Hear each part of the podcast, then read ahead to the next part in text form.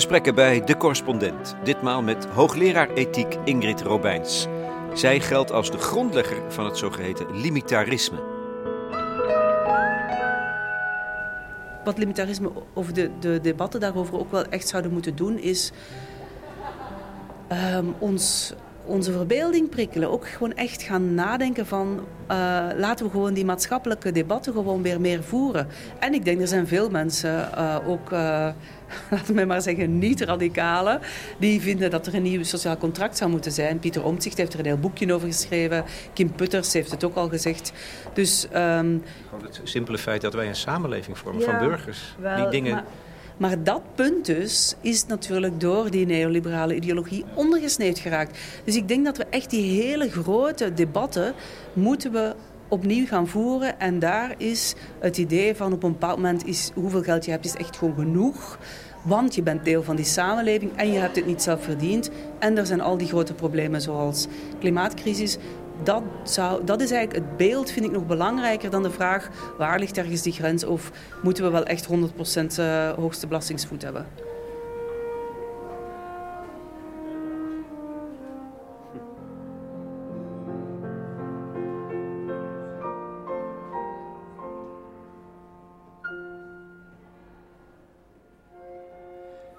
Ingrid Robijns. Ze studeerde economie en politieke wetenschap en filosofie.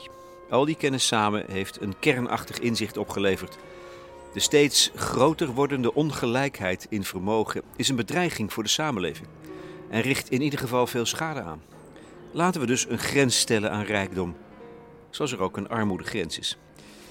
Het is even wennen wellicht, maar toen ik mij verdiepte in het gedachtegoed van het limitarisme, ontkwam ik niet aan de kracht van de argumentatie.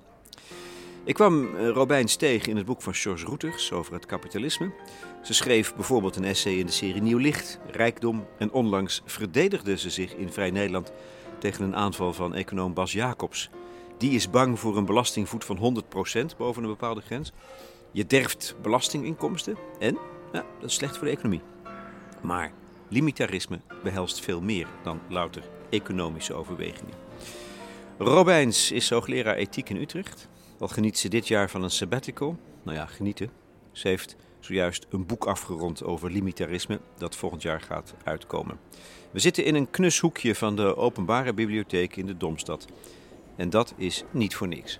Ja, ik ben echt dol op deze bibliotheek. Um, ik ben sowieso dol op boeken.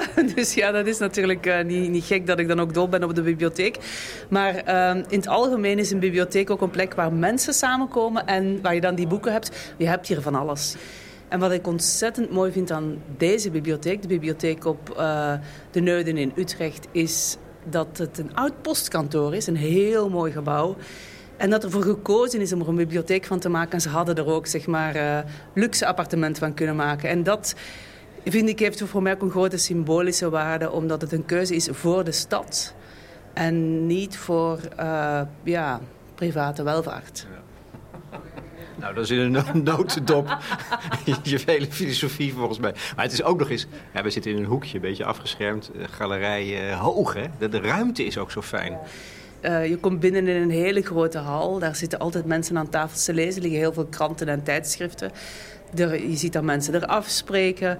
Uh, er zijn soms activiteiten. Maar één keer dat je dan naar de volgende verdiepingen loopt, dan heb je dus studiezalen, ja, eindeloze rijen met boeken, een afdeling voor kinderen, allemaal voorzien. Dus je voelt gewoon een soort van enorme rijkdom.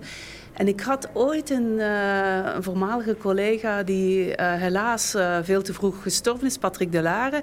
En hij zei ooit, ja, zelfs als ik ooit echt arm ben, ik zit in de bijstand, maar er is nog een, een openbare bibliotheek, dan blijf ik iets hebben van rijkdom. En dat is me bijgebleven, van ja, dat het dus echt ook um, mogelijkheden biedt voor iedereen onafhankelijk van wie je bent in, uh, in de samenleving in termen van, van financiële draagkracht. En, uh, ja, je ziet het ook letterlijk voor je ogen. Hè? Hier en daar komt een zwerver. Of misschien zelfs wel een dakloze of thuisloze binnen even. Ja, en ik denk dat die hier ook meer opgenomen worden in het geheel. Dus ze zijn gewoon deel van, van ja, als je dat woord kan gebruiken, het collectief. En um, ik denk dat dat. Eh, ik vind het. Ja, ik, ik voel me hier gewoon fijn als ik hier kom. Uh, maar ik vind ook echt de keuze, want dit is, dit is in Utrecht voor de mensen die de, die de stad niet kennen, dit is echt zo ongeveer de meest centrale plek. Dus ik, ik, ik ben geen makelaar, maar ik denk als je de waarde van dit pand zou schatten, dit moet echt heel, heel duur zijn. Dus dat betekent ook dat de economische waarde om dit dus bijvoorbeeld te veranderen in of winkels of luxe appartementen is, die aantrekkingskracht moet enorm geweest zijn. En ik heb die procedure niet gevolgd, hoe daarvoor gekozen is om er een, toch echt een, een de woonkamer van de stad van te maken. Maar daar is ooit voor gekozen en daar ben ik nog steeds heel blij voor. Zeg, hoe eigenwijs ben jij? Oei. uh, dat... dat... raakt dus wel iets. Uh, wel, het, het, het raakt... Uh, ja, dat is echt een hele goede vraag. En het is grappig, want ik heb hem nog nooit gehad. Heel veel vragen die komen terug en dan kan ik al de antwoorden op voorkouwen. Uh, deze heb ik nog nooit gehad. En het is ook heel grappig omdat ik heel vaak tegen mijn jongste zoon zeg dat hij heel eigenwijs is. Vind je het dan leuk of niet leuk? Uh, ja, ik vind het, het, het is volgens mij eigenwijsheid. Is, uh, we hebben eigenwijze mensen nodig. Ze brengen zichzelf soms wel in de problemen. Dus dat, dat denk ik dan soms bij mijn zoon. Van, ah, als je nu gewoon zou die raad aanvaarden, dan, dan uh, wordt het voor jou gemakkelijker. Um, ik had misschien in de problemen kunnen zitten, maar ik zit niet in de problemen. Dus ik heb misschien geluk gehad. maar ik, ben, ik denk wat ik wel kan zeggen, misschien ben ik eigenwijs, maar ik ben niet dogmatisch. Dus je kunt mij van alle mogelijke posities die ik ooit verdedigd heb, kun je proberen mij te overtuigen van het tegendeel. En ik sta daar ook echt voor open. En dat vind ik wel. Ik heb dus zelf geen probleem met eigenwijze mensen, zolang ze maar in, als je samenwerkt, enige mate van flexibiliteit aan de dag leggen. Maar ik word wel, uh, ik denk dat dogmatische mensen, daar schieten we niet niks mee op. Nee, dat is ook echt een andere categorie. Maar ik vraag het natuurlijk omdat jij kiest een positie die bijna onhoudbaar is. Om, om het in je eentje, praktisch in je eentje, op te nemen tegen de superrijken van de wereld. Nou. Ja, uh, ik, ten eerste denk ik niet dat ik de enige ben. Dus ik denk dat best heel veel mensen als ze maar even uh, rustig gaan zitten en over hun eerste emoties komen, dat die ermee eens zullen zijn. Want eigenlijk iedereen die vindt dat ongelijkheid niet eindeloos kan groeien, die onderschrijft een vorm van grens. Alleen, wij denken niet in termen van grenzen. En grenzen klinkt ook zo... Um, ja, beperkend. En je denkt direct aan uh, ja, autoritaire ingrepen of zo. Maar dat hoeft allemaal niet. Dat hangt er vanaf hoe je het uitwerkt. Um, en ik ben ook niet de enige. Er zijn dus best collega's, eh, zowel landelijk als internationaal, die Um, dus dan heb ik het over filosofen, politiek theoretici, die ook denken dat er grenzen zouden moeten zijn aan rijkdom, aan vermogen. En uh, er zijn zelfs veel collega's die vinden dat puur vanuit academische filosofie gezien, dat eigenlijk mijn, mijn positie hierover, over limitarisme, ja, dit vinden wij allemaal. dus als je dus kijkt naar de... de dus het hangt je maakt het dan expliciet of zo opeens? Of ja. je, je, maakt het onderdeel van een theorie? Ja, ik maak het expliciet. En uh, het, het, dus je hebt al, al, dus, al eeuwen heb je egalitaire stromingen.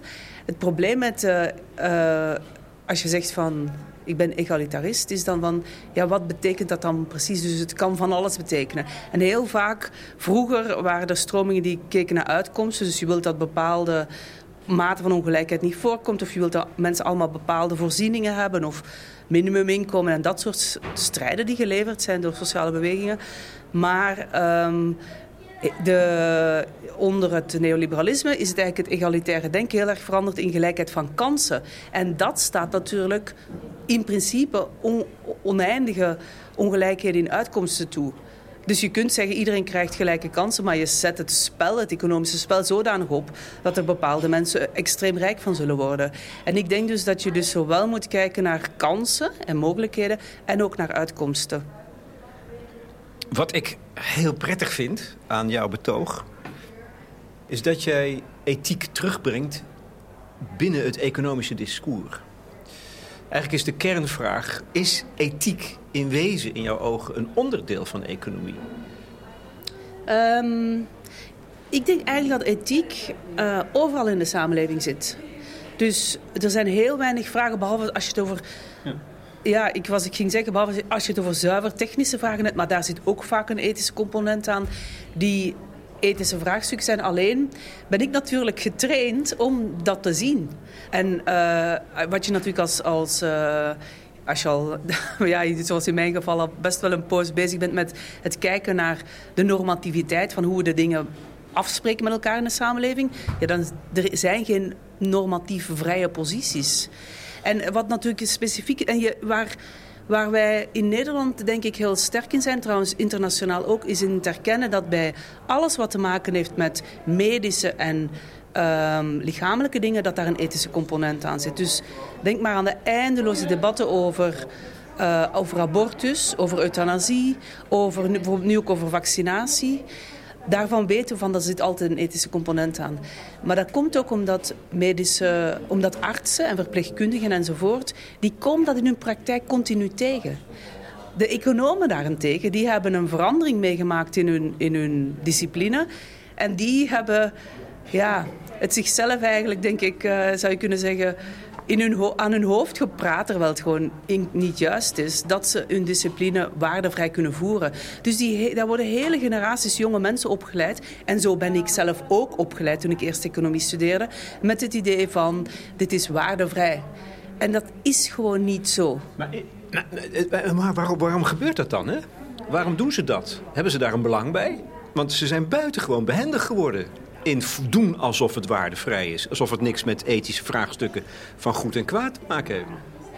Ja, daar, weet je, dat, is een hele tak. Die heet... Uh, dus eigenlijk wetenschapsfilosofie die gaat over economie of methodologiekritiek. Die houden zich daarmee bezig. En je hebt allerlei verklaringen. Um, sommigen hebben er zijn mensen die spreken over uh, physics envy, dus dat economen zo graag wouden een hele robuuste wetenschap zijn. Eh, eh, de, de, heel veel economische onderzoek is ook extreem mathematisch. Uh, alhoewel dat daar wel een kentering is geweest de laatste, uh, de, het laatste decennium om meer, echt wel meer opnieuw meer empirisch te gaan werken, ook met experimenten enzovoort. Daar hebben ook mensen een Nobelprijs voor gekregen. Maar um, het blijft wel een, een geloof dat je um, waarden en um, feiten echt helemaal kan scheiden. Maar uh, ik las bijvoorbeeld vanochtend een tweet. Um, over, die ging over ongelijkheid in Nederland. En dan stond er: ongelijkheid in Nederland is niet groot volgens de cijfers van uh, de World Income Database. Waarom? Omdat de persoon die die tweet verstuurt, die zegt: andere landen hebben grotere ongelijkheid. Nou, ten eerste, als je zegt iets is niet... Uh, de ongelijkheid is niet groot. Dat is een absolute uitspraak. Dus die persoon die die tweet doet, dat is een econoom, hoofdeconoom van, van het Centraal Bureau voor Statistiek, ziet dus zelf niet dat hij een normatieve uitspraak doet waarvan die eigenlijk ervan uitgaat, omdat we minder ongelijk zouden zijn volgens die data, daar valt ook nog het een en ander over te zeggen, zouden we niet ongelijk zijn. Je, kunt, je kan dit gewoon niet zeggen. Je doet een, een zeer zware normatieve uitspraak en je hebt... Uh, en, en het enige is waarom je doet, omdat op basis van bepaalde data uh, het in andere landen uh, nog meer ongelijk is. En die data, daar valt heel veel over te zeggen, want Nederland is heel vaak een, een, een zit in een uitzonderingspositie met die data, omdat wij heel veel pensioenvermogen uh, hebben. En bij andere uh, landen zit dat vaak, uh, omwille van een ander pensioenstelsel, zit dat vaak niet in. Um, het opgebouwde vermogen. En daarom lijkt, dus als je ons pensioenrechten bij ons vermogen neemt, dan lijkt het dat we heel veel vermogen hebben. Maar goed, weet je, als jij natuurlijk op je 67ste doodgaat, dan heb je daar helemaal niks aan. Je kunt dat helemaal niet overdragen naar je kinderen. Het is ook niet vrij opneembaar. Dus daar zijn hele grote discussies over of vermogen deel zou moeten zijn, nee, of pensioen deel zou moeten zijn van je vermogen. En afhankelijk van wat je daar kiest, krijg je dus een hele andere uitkomst als je de internationale vergelijking maakt. Dus als je daarin getraind bent, dan zie je ook dat al die uitspraken zijn door en door normatief en er kunnen andere antwoorden zijn, maar zo'n econoom rolt daar gewoon over. Even mijn laatste gesprek was met Abdelkader Benali over Hamlet. Hamlet. Voor hem de held van het geweten. En als je het hebt over ethiek, laten we het even beperken dan tot de economie. Wat is dat anders dan de rol van het geweten? Ja, uh... En wat is dat dan? Hè? Ja, dus je hebt ethiek, dus je hebt ethiek op uh, niveau van de, van, van de persoon. En dan gaat het echt over geweten. Dus stel, ik zal je... Ja, maar dat is toch iets wat jij er graag bij wil betrekken? Ja, maar er is een tweede component. En dat is wat we met z'n allen, de collectieve beslissingen die nemen. Dus instituties noemen we dat. Dus bijvoorbeeld ons belastingstelsel. En dan maak je ook uh, normatieve keuzes. En die ethiek gaat dus over normativiteit. En dat heeft niet zozeer met je geweten te maken, maar wel met afspraken die je maakt in de samenleving met z'n allen over hoe wil je samenleven. Dus ik denk wel, die, die, die, je zou dat tweede kunnen noemen structurele eh, keuzes in de ethiek. En dat eerste meer van persoonlijke keuzes. En die persoonlijk hebben altijd te maken met het geweten. En in maar, geval... maar, is dat iets wat je wel een rol toedicht bij jouw betoog over limitarisme? Ja, ja. want ik denk... Kijk, limitarisme betekent dat je uh, eigenlijk vindt dat, er, dat je een... Je kan bepaalde mate van ongelijkheid accepteren. Het is fijn als iedereen welvarend is, maar op een bepaald moment heb je zoveel rijkdom dat het gewoon genoeg is. En dat is een morele uitspraak, een normatieve uitspraak. En dan is dus de vraag van, ja, wat betekent dat dan? En dan kun je dus, uh, kan dat voor je, de persoon zelf iets betekenen. Dat je zelf denkt, ja, ik hoef niet nog meer te accumuleren. Ik, ik moet het nu gewoon weggeven of ik moet iets uh, over nadenken, gegeven dat er zoveel problemen zijn in de wereld, gegeven dat zoveel mensen pech hebben gehad en ik heb zoveel geluk gehad. Maar, dus dat is het persoonlijke, het geweten. Maar het tweede is, welke, welke regels spreek je met z'n allen af in de samenleving? En dat gaat dan over die vragen die... Je hoort steeds meer mensen ook weer spreken over het sociaal contract. Daar gaat dat over. Dus ethiek heeft zowel die persoonlijke component, zeg maar geweten... en die uh, collectieve, maatschappelijke, structurele component, zeg maar sociaal contract. Maar er zijn, oh, en dat vind ik wel echt belangrijk... Um, de rijken en extreemrijken zijn een diverse groep. En uh, ik heb daar met mijn uh, Amerikaanse uitgever nog een discussie over gehad. Want die zeiden, ja, als je dan uh, zo'n soort van boef hebt, dat staat goed in je boek. Ik zei, nee, dat wil ik niet. Dus ik heb er komen in, in het boek dat, dat nu zo goed als af is... komen er ook echt voorbeelden van extreemrijken die die echt gewoon hebben gezegd: dit is hoe waarvan ik denk van my hero. In heel, wie, wie dan? Nou, Mackenzie Scott. Dus Mackenzie Scott is de ex-vrouw van Jeff Bezos. Die heeft uh, kort nadat ze um, uh, ja, gescheiden is van hem en dus al die uh, miljoenen, miljarden heeft ja, toege toegewezen gekregen door de rector of onderhandeld heeft, heeft zij een stuk geschreven online. Uh, waarin ze zei van dit geld gaat allemaal terug naar de samenleving. En, en ze, schreef het in een essay waarin ze ook zei van ik twijfel niet aan dat um, rijkdom vergaard wordt door de samenleving. Dus zij zei echt, wat eigenlijk het omgekeerde is wat vele extreemrijken zeggen. Veel extreemrijken zeggen, dit is van mij, ik heb dit verdiend, mijn eer, mijn verdiensten. En zij zei dus eigenlijk net het omgekeerde. En dat is ook de positie die ik ook probeer uit te werken. Dat je kan dit niet op je alleen doen. Dus het komt altijd door de samenwerking met heel veel andere mensen. Dus zij heeft gezegd, dit gaat allemaal terug naar de samenleving. En wat ze daarbij doet is, ze geeft het aan groepen die... Um, waar eigenlijk ze nauwelijks vragen aan stelt. Ze, ze, krijgen geld en ze moeten dan na vijf jaar één of twee A4'tjes sturen met gewoon uitleggen wat ze doen. Dus ze geeft hen het vertrouwen. Ze gaat er niet betuttelend overheen en ze gaat ook niet uitzoeken van wat levert nu het meeste nut op. En de groepen aan wie ze het geeft zijn eigenlijk allemaal wat je zou kunnen noemen social justice groepen. Dus eigenlijk ironisch genoeg, wat nu in dat hele debat over woke centraal staat. Dus dat gaat over racial justice, climate justice, um, en daar zitten ook uh, ja, maatschappelijke opbouwgroepen tussen. De scouts zitten daarbij. En, en dat is denk ik...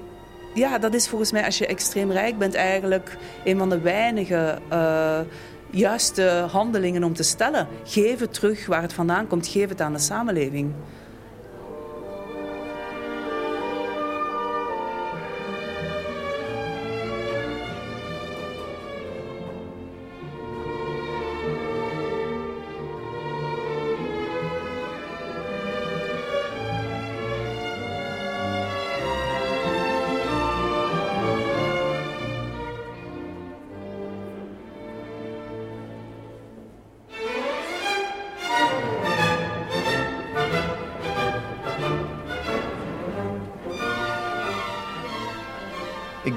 Iedereen al vertrouwd is met het gedachtegoed van het limitarisme. Dat jij in de wereld hebt gezet, Ingrid Robijns.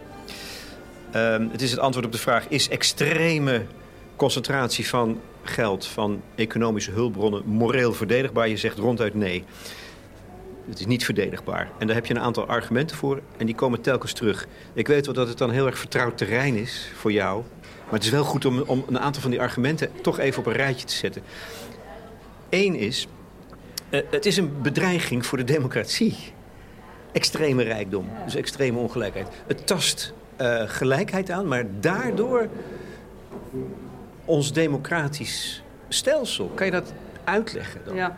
Dus ik denk dat waar het al echt gewoon de democratie um, ja, veranderd heeft in een plutocratie. Plutocratie betekent letterlijk um, het land wordt bestuurd door de extreemrijken, is Amerika. Amerika is geen democratie meer. Amerika is een plutocratie. Dat zeggen ook Amerikaanse politicologen.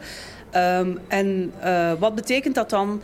Dat de, um, om je verkiesbaar te kunnen stellen als uh, een ja, politicus op welk niveau dan ook, moet je heel veel geld hebben om campagne te kunnen voeren. Want er zijn geen beperkingen aan hoeveel je mag uitgeven. Dus dat betekent je bent afhankelijk van mensen die heel veel geld hebben. Als je afhankelijk bent van die mensen, dan ga je ook beleid voeren of keuzes maken die voor die mensen beter zijn. En vaak gaat dat over je materiële belangen. Uh, en al die onderdelen zijn, daar bestaat gewoon wetenschappelijke literatuur over. Dit is dus niks uh, um, ja, controversieel. Um, en alleen je moet de verschillende puzzelstukjes samenleggen. Dat is denk ik belangrijk om, uh, om te doen. En um, het andere punt is ook natuurlijk lobbyisten.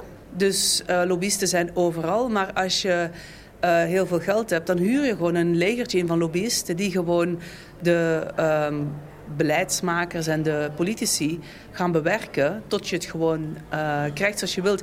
En een heel mooi voorbeeld, uh, echt een hilarisch voorbeeld, is uh, Donald Trump voor die politicus werd. Hij gaf namelijk geld zowel aan de Republikeinse als aan de Democratische Partij. En toen werd hij daarover gevraagd aan, door een, een, journalist van ja, waarom doe je dat? En toen zei hij ja, weet je, wie er dan ook aan de macht is, ik bel ze op en ik zeg ze wat ik wil. Dus hij was daar ook... Ja, we kennen Trump, is natuurlijk ja, een soort van... Ja, uh, kan brutally rude zijn over bepaalde dingen, maar ook soms heel eerlijk. En gewoon zeggen hoe dat hij... En hij zegt gewoon, ja, geld regeert gewoon de politiek. Uh, en er zijn natuurlijk wel een paar positieve uh, lichtpuntjes. Er zijn een, bij de laatste um, je hebt nu in het congres in Amerika een aantal mensen, het zijn er echt maar een paar, maar die zijn verkozen zonder wat ze dan noemen uh, Wall Street money aan te nemen. Dus de meest bekende is denk ik uh, Alexandria Ocasio-Cortez. Die heeft gewoon heel veel uh, ja, activisten gehad die voor haar klein, allemaal hele kleine beetje geld hebben opgehaald en zo heeft ze het gered. En natuurlijk ook door haar, denk ik, door haar persoonlijkheid en haar verschijning. Dat heeft ongetwijfeld geholpen. Zij is retorisch extreem begaafd.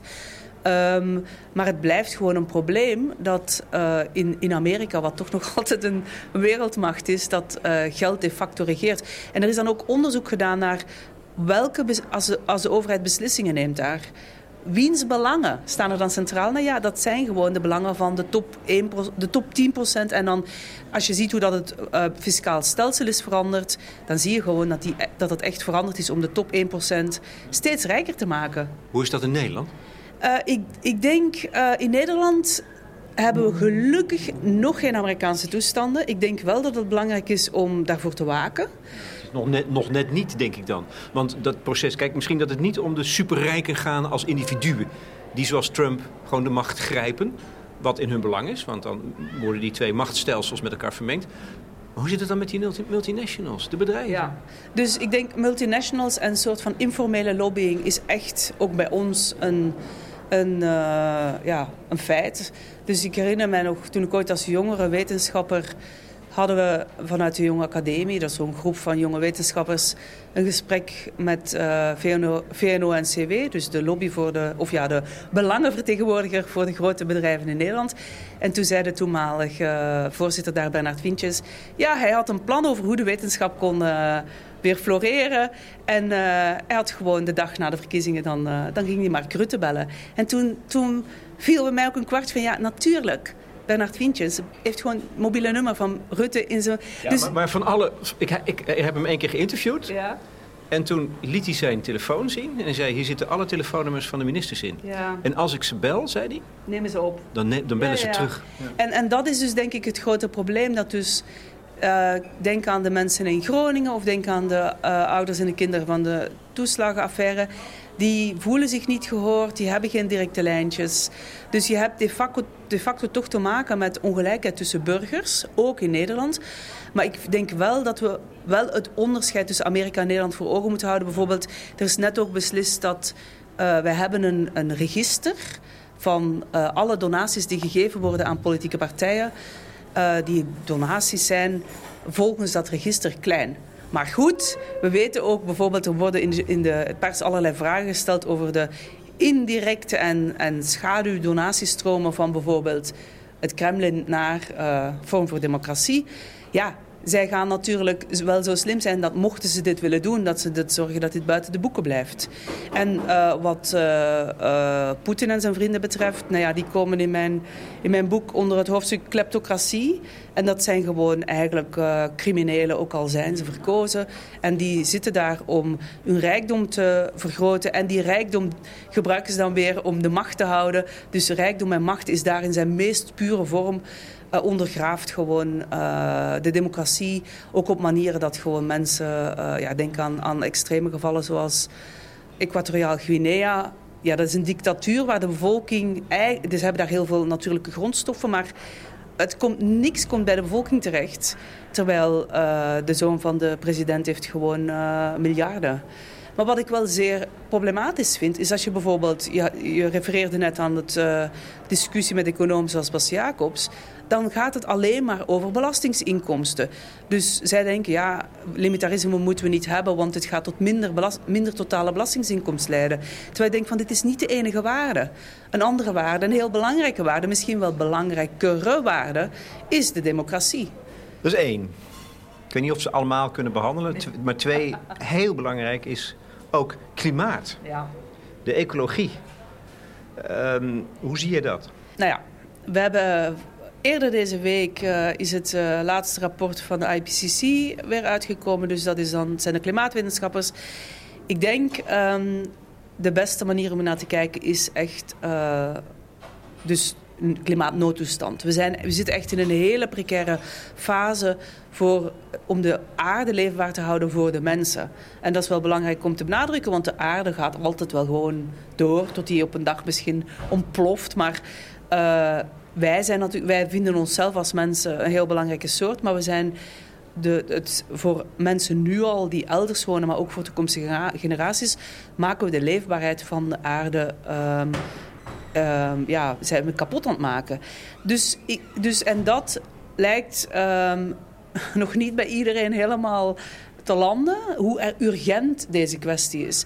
Maar als je één keer in, in die frame of mind zit, dat je beseft van we moeten echt heel snel um, de, hoe we produceren, consumeren en dus hoe we de samenleving hebben ingericht echt radicaal omschakelen. Dus die transitie. Als je één keer dat begrijpt, dan begrijp je ook dat het absurd is dat er mensen op um, miljoenen en miljarden zitten die of um, alleen maar uh, dienen ter verdere accumulatie van die miljoenen of miljarden. Je zou natuurlijk gewoon kunnen zeggen, oké, net zoals als je een oorlog hebt. Is een noodsituatie, iedereen gaat naar draagkracht bijdragen. Dus we gaan gewoon uh, mondiaal een... Uh, red de planeetbelasting invoeren. En al dat geld dat dus eigenlijk mensen helemaal niet nodig hebben voor hun eigen welzijn, dat gaan we gebruiken om die transitie uh, aan te jagen. Dus, dan, dus bijvoorbeeld, dan kan je gewoon niet meer zeggen dat geld een reden is om waarom die transitie stokt. Dan hebben we natuurlijk nog andere redenen. Uh, je kan maar zoveel zonnepanelen per dag produceren enzovoort. Maar um, ja, het is noodzakelijk. Dus nu bijvoorbeeld ook um, zie je dat uh, ontwikkelingslanden um, die, de, die ten eerste het minste hebben bijgedragen aan de situatie waarin we nu in zitten. Want zij hebben uh, over de tijd heen die emissies niet gemaakt. Dat hebben, dat hebben historisch gezien Europa en Noord-Amerika, uh, Australië gemaakt. En nu zie je wel dat bepaalde landen zoals India en China steeds meer uitstoten. Maar dat is historisch nog steeds een kleine component. Al helemaal als je gaat kijken naar per hoofd van de bevolking dan zie je dus dat wij hebben eigenlijk die plicht om, uh, om als eerste een zet te doen. Um, en ook om die doden en uh, andere uh, ja, slachtoffers die nu vallen in ontwikkelingslanden, om die te ondersteunen, om te zorgen dat er minder doden vallen. Maar dan gaan ze stichelen over moeten we een klimaatadaptatiefonds hebben en er worden dan beloftes gedaan. Die beloftes worden niet, niet vervuld. Dus wat je heel vaak ziet is komt een grote uh, conferentie van de Verenigde Naties. Landen gaan onderhandelen, heel moeizaam. Uiteindelijk, na vijf rondes, tien jaar verder, komt er zo'n klimaatadaptatiefonds. Maar dat zijn dan beloftes. Dus tussen beloftes en effectieve uh, gelden die overgaan, uh, is altijd zo'n lange weg. Terwijl ik denk van dat geld ligt er gewoon.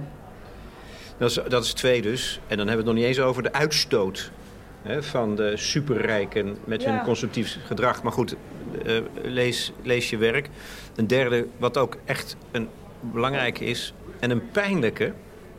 dat is het idee dat superrijkdom, rijkdom, superrijkdom... persoonlijke verdienste is. Ja. Dat, dat is eigenlijk filosofisch, vind ik, de meest interessante. Omdat dat gaat naar ons mens, mensbeeld.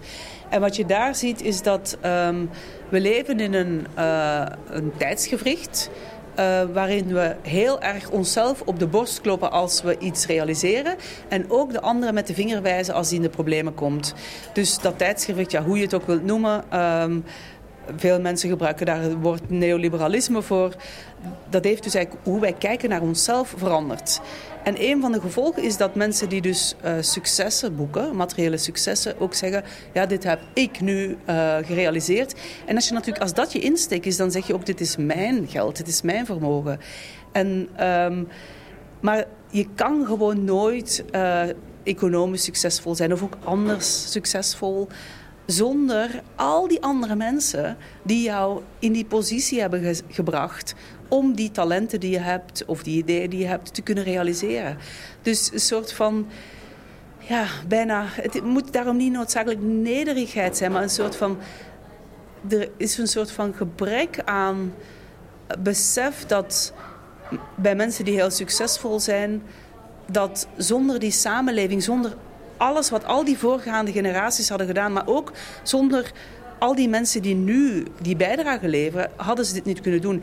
En een punt waar uh, dit extreem pijnlijk wordt, is als je ziet hoe bij economische productie, um, wat in bijvoorbeeld, in, om maar even een voorbeeld te geven, in een fabriek, in een, in een bedrijf geproduceerd wordt, hoe van die uh, opbrengsten, welk deel gaat naar de arbeiders en welk deel gaat naar kapitaal, naar de mensen die kapitaal inbrengen. En daar zien we gewoon dat over de tijd heen arbeiders uh, een steeds kleiner deel hebben gekregen. Dus je ziet ook, um, ja, ik zou zeggen voer voor uh, klassieke Marxisten natuurlijk.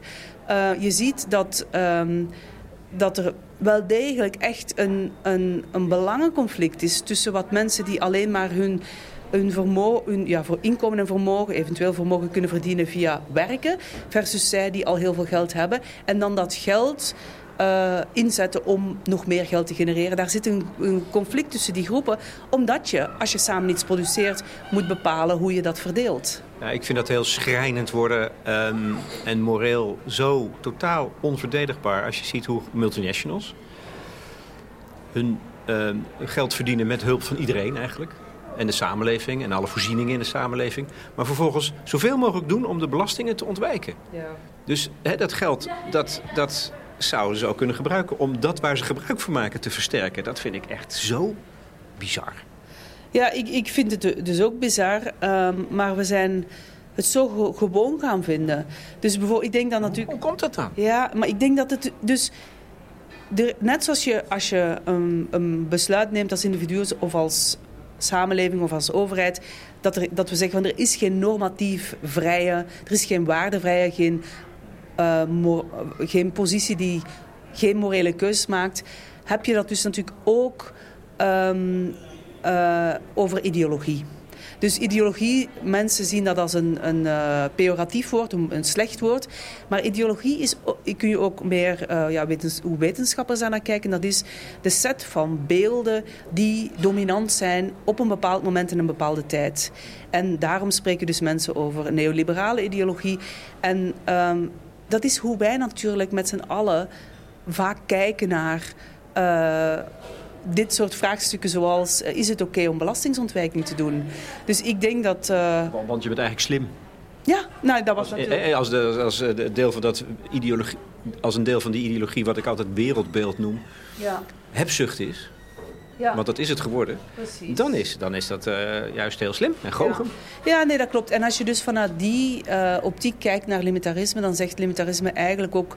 Ehm, er moeten absolute grenzen komen aan hebzucht. Ik denk wel dat, eh, dat mensen voor hun eigen belangen opkomen en proberen er iets van te maken. Tot op bepaalde hoogte lijkt mij heel goed voor iedereen. Dat mensen voor zichzelf zorgen. Maar ook als iedereen natuurlijk voor zichzelf zorgt, heb je gewoon een welvarendere samenleving. Dus ik wil helemaal niet naar dat andere uiterste doorschieten.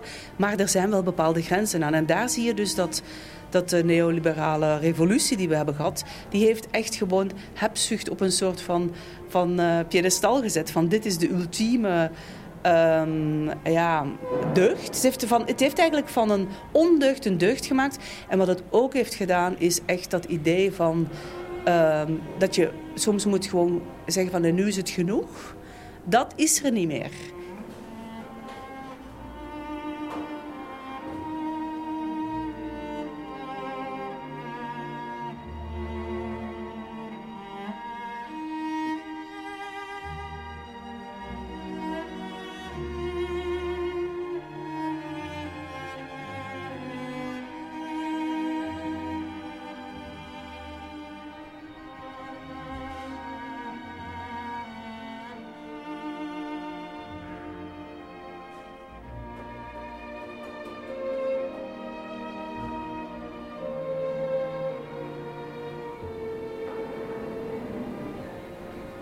Ik slaag een aantal argumenten over, zoals het hele geestige, dat het is helemaal niet goed voor die rijken zelf. Ze worden er eigenlijk alleen maar ongelukkig van. Nou, dat vind ik dan wel weer ironisch, maar goed, er zijn er nog een paar. We gaan, hoe gaan we het nou aanpakken? Er is een armoedegrens. Oké, zullen we ook een, rijk, een, een rijkdomsgrens instellen? Waar ligt die dan? Is dat bij 20.000? Wat je nodig hebt om, om goed te kunnen leven? 70.000? Dan ben je ook nog gelukkig. Of 2 miljoen? Maar jij hebt het, als je er voor 20 of 70.000 hebt, heb je het over inkomen. En, ehm, de, en eigenlijk ook al, ja, theoretisch gezien heb ik een heel lang technisch stuk geschreven waarin, je dus, waarin ik uiteenzet hoe inkomen en vermogen zich tot elkaar verhouden. Want beide zijn natuurlijk een bron van rijkdom. Maar als we het over echt rijken hebben, hebben we het over hun vermogen. Heel veel mensen hebben geen vermogen. Of die hebben net genoeg om, wanneer de wasmachine het begeeft, een nieuwe te kunnen verkopen. Dus uh, ik denk dat we het vooral... Um, ja, je moet het wel natuurlijk hebben over de, de begrenzing van uh, extreem hoge salarissen. Want we hebben nog steeds mensen die miljoenen per jaar verdienen.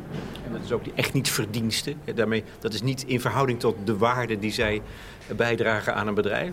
Nou ja, zij, kijken natuurlijk naar um, wat in andere landen gebeurt. En daarom is wat in Amerika gebeurt ook relevant voor ons. Omdat je een opwaartse spiraal krijgt van um, wat, wat de, de meest vermogenden willen. Dus als een CEO bij ons uh, 2 miljoen krijgt, dan zegt hij ja, maar mijn, uh, een collega van een gelijkaardig bedrijf in Amerika krijgt 30 miljoen. En dus zo krijg je eigenlijk via... Dus, die, dus we worden daarin meegezogen. Ja, maar dat is dan de verantwoordelijkheid van de besturen van die multinationals en bedrijven. Om, om, om een beperking te, ja. in te stellen op de salarissen. Ja, maar waar je, waar je, wat je daar dus wel ziet is dat uh, mensen die gaan over die besturen, die zitten vaak in andere grote bedrijven in, uh, als CEO's. Of die hebben, dus dat is ook een heel een wereld van ons kent, kent ons. Er zijn ook sociologen die noemen dit, de, die noemen dit gewoon uh, een klasse op zich. En weet je, je gaat natuurlijk elkaar ook napraten. Dus, en ook, ik denk dat iemand als ik zou natuurlijk nooit in zo'n klasse komen, zelfs als ik dat zou willen, omdat ik.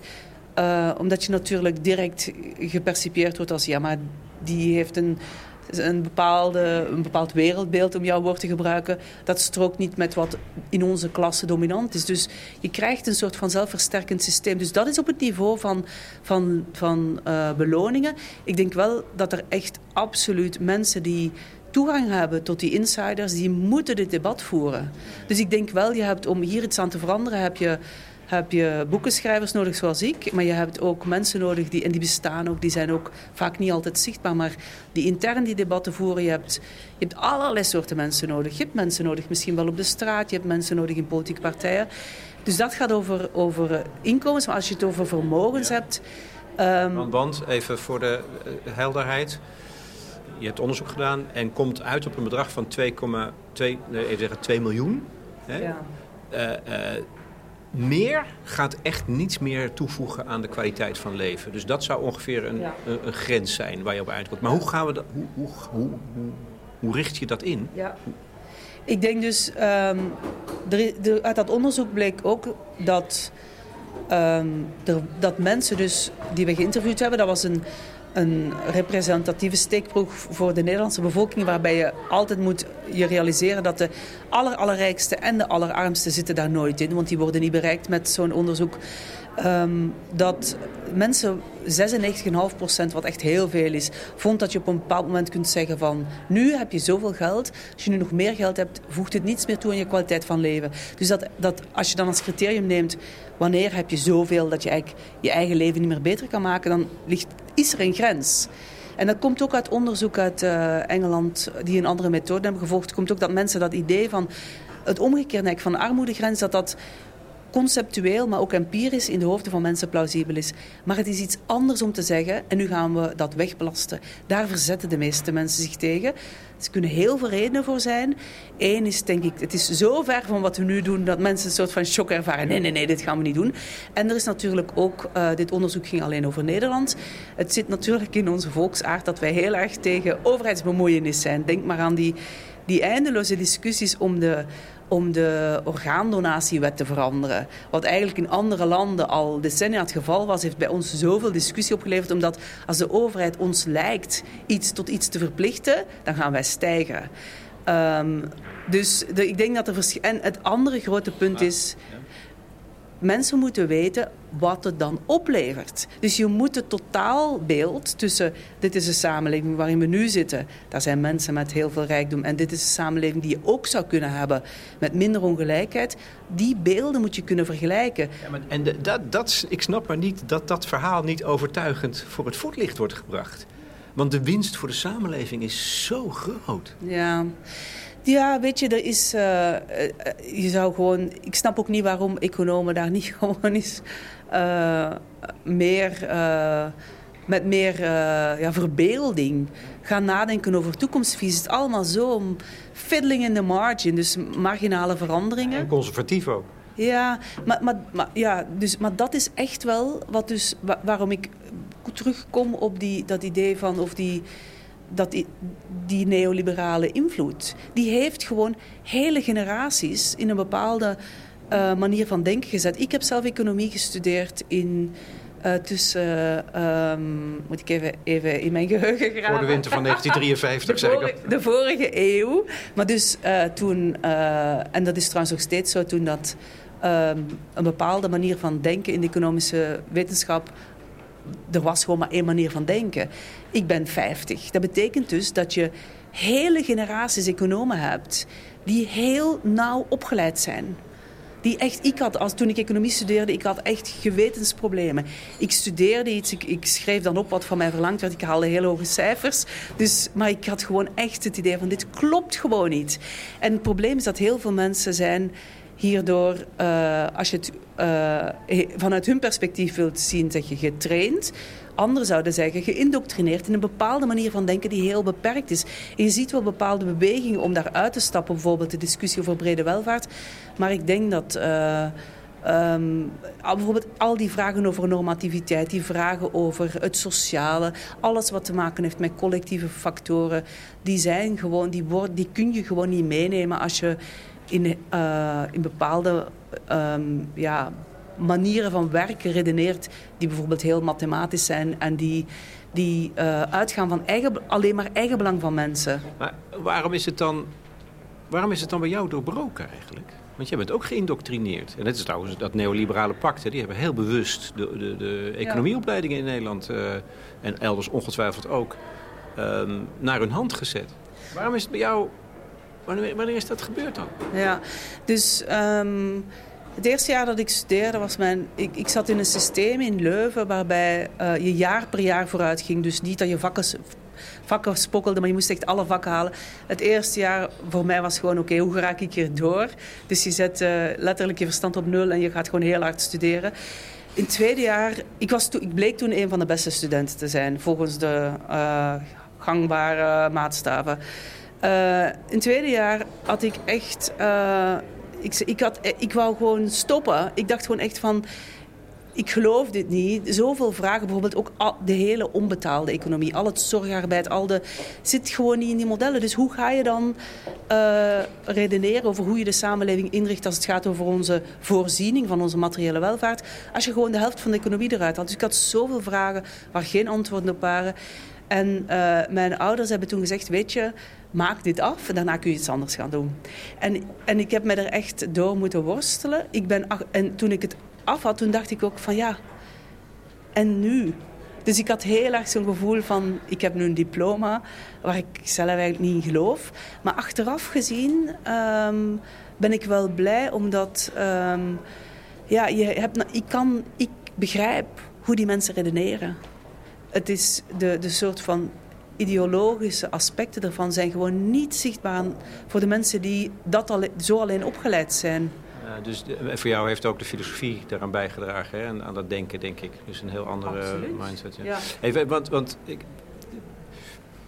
er is een fundamentele herziening van ons normen- en waardestelsel nodig, denk ik. Dus voortdurend debat, dus ook binnen de economie. Juist wel ethische vraagstukken binnenbrengen. Maar er is ook nog steeds een praktische kant. En, en een van die wegen is dan toch ons belastingstelsel. Ja. Wat stel jij concreet voor? Um, ik denk dus, dus kijk, ik kan, ik kan een voorstel doen. En hoe ik dus ook mijn taak als filosoof zie, is om ideeën in de publieke ruimte te zetten.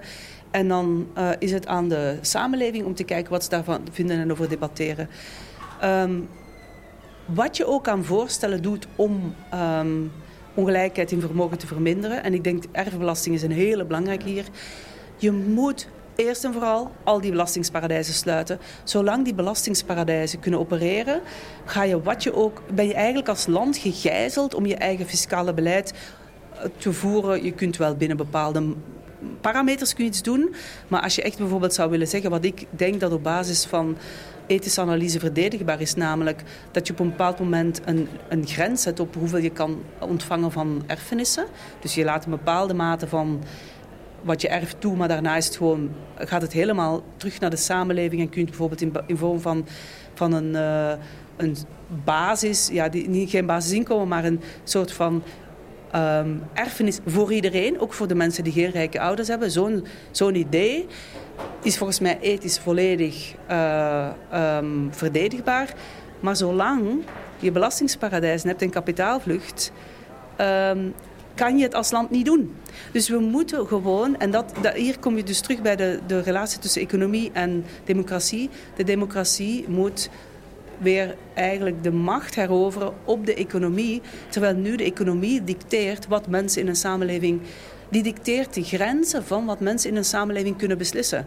Wij kunnen gewoon als samenleving, ook als we dat zouden willen, bepaalde keuzes niet maken, omdat gewoon de economie mondiaal is en, en, er, en kapitaal gewoon heel uh, vrij is.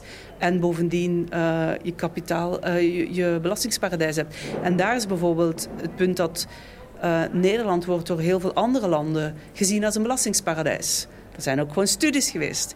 Dus ik denk ook van ja, weet je, zolang je natuurlijk zelf voldoet aan de criteria voor een belastingsparadijs, hoe kun je dan met enig fatsoen iets, iets gaan bepleiten naar andere landen toe? Even één ding wat je zelf ook al benoemt, uh, de erfenissen. Instinctief zal het voor veel mensen het, het moeilijkst te begrijpen zijn. Ja. Of zal heel gauw het gevoel ontstaan, je pakt iets af ja. van waar ik recht op heb. Dat is juist moreel helemaal niet uh, verantwoord. Ja, dus uh, ik denk dat uh, je moet zeker aan dat gevoel, je moet er proberen achter te komen van waar, waar heeft dit mee te maken. Um, er gaan collega's in Duitsland gaan daar nu onderzoek over doen. Um, maar mijn vermoeden is dat het eigenlijk te maken heeft met het feit dat het heel erg raakt aan het idee van familie. Dus, um, ja, zeker. dus dat je... je zorgt voor je kinderen.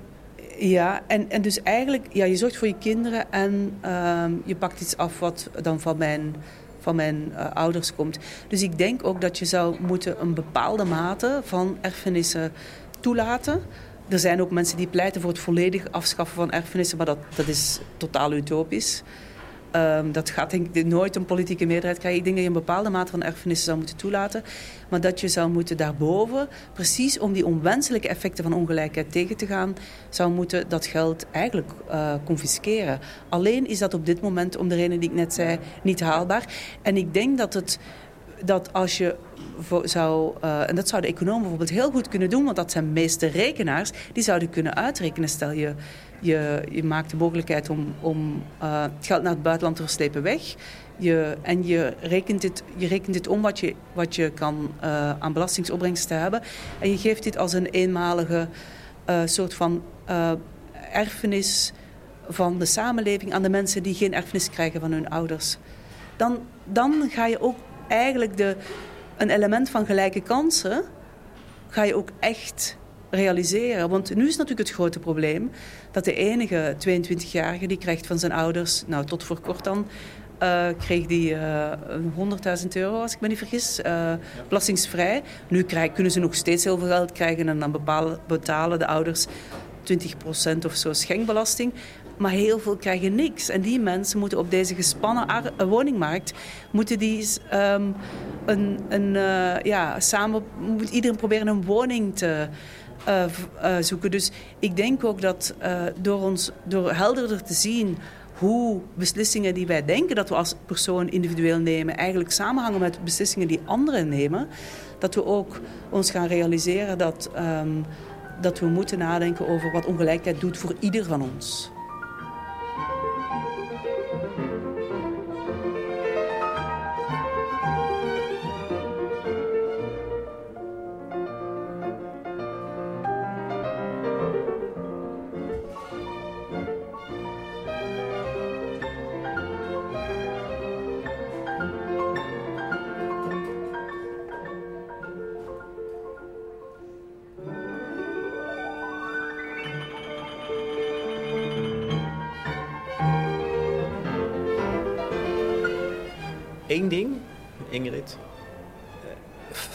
Helemaal eigenlijk niet genoemd, het woord politiek.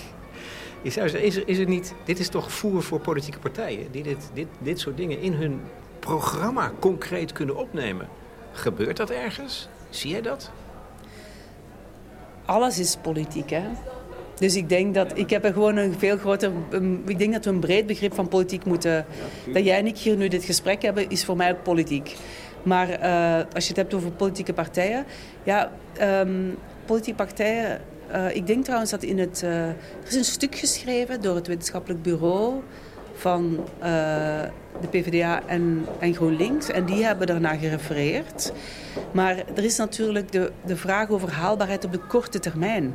In een gemondialiseerde wereld waarin hoe je deze vorm van kapitalisme ook wilt noemen. Sommige mensen noemen het financieel kapitalisme. Ik zou er techno-financieel kapitalisme van maken. Dat is een vorm van kapitalisme die bijvoorbeeld omwille van de technologische revolutie heel veel, het mogelijk maakt om echt heel veel geld te vergaren. Uh, want je hoeft niet kopjes koffie te maken en één voor één te verkopen. Je maakt een programma en tegen een tegen bijna een kost van nul verkoop je het keer op keer en je kunt dus echt eindeloze winsten maken. Dus we zitten in een systeem um, waarin die, het verwerven van die extreme rijkdom ook mogelijk is. Dus mensen zijn zich daar niet helemaal van bewust. Dat is één punt. Het andere is wel... Um, we hebben heel lang, denk ik, geen grote maatschappelijke politieke discussies meer gehad. Mensen zijn eigenlijk apolitiek geworden. En uh, het is pas... apolitiek gemaakt, want ze hebben wel die belangstelling en het verlangen. Kijk naar de opkomst van BBB bijvoorbeeld. Ja, dat klopt. Um, nee, dat is in zekere zin in dat, vanuit dat perspectief echt een goede zaak. Dat mensen ook opkomen voor... Je hebt natuurlijk ook heel veel mensen die gewoon niet stemmen. Dat vind ik best ja, zorgwekkend ook wel. Maar je pleit ook voor terugkeer om dit soort grote debatten in ethisch-politieke zin terug te halen. Absoluut. En ik denk dat de vraag eigenlijk van kunnen politieke partijen dit opnemen in hun partijprogramma is voor later. Daar zijn we nu helemaal niet. En het is goed om ons te realiseren dat de, de mens, dus de, de neoliberale revolutie is eigenlijk ingevoerd in, in de partijpolitiek met eerst Reagan en dan Thatcher. Dus we hebben het over de jaren 70. Maar de mensen die, die dat gedachtegoed aan het ontwikkelen waren, die waren al decennia eerder bezig. En um, dus het is natuurlijk, uh, ja. ik denk, uh, we zitten hier voor, de, ja, voor een marathon.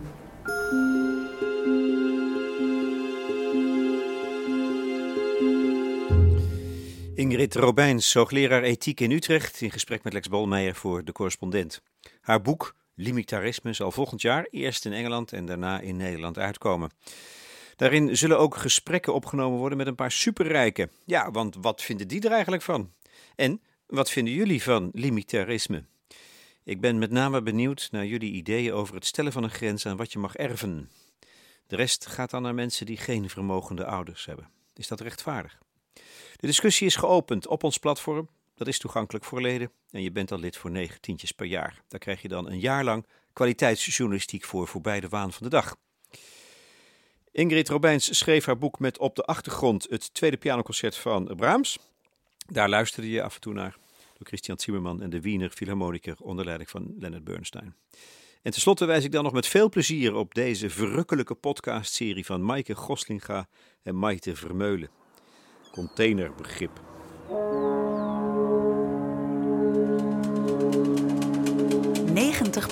Van onze spullen komt uit een container. 90% Zonder die stalen doos ligt de hele wereldeconomie op zijn gat. En zou jouw leven er totaal anders uitzien. Hier komen dus nieuwe kaders om straks 20 miljoen containers te kunnen laden elders. En toch komt de container in bijna geen enkel geschiedenisboek voor. En weten we nagenoeg niets over de reis die onze spullen erin over de wereld afleggen. Het is een ongelooflijk bewijs dat we als Nederland iets kunnen. En hier zijn we goed in. En dat laten we hier de hele wereld zien. Het is een bizarre paradox.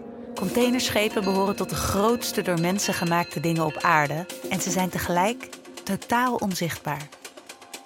En duik je in de wereld van de container, dan zie je ineens dat die stalen doos van alles verbergt.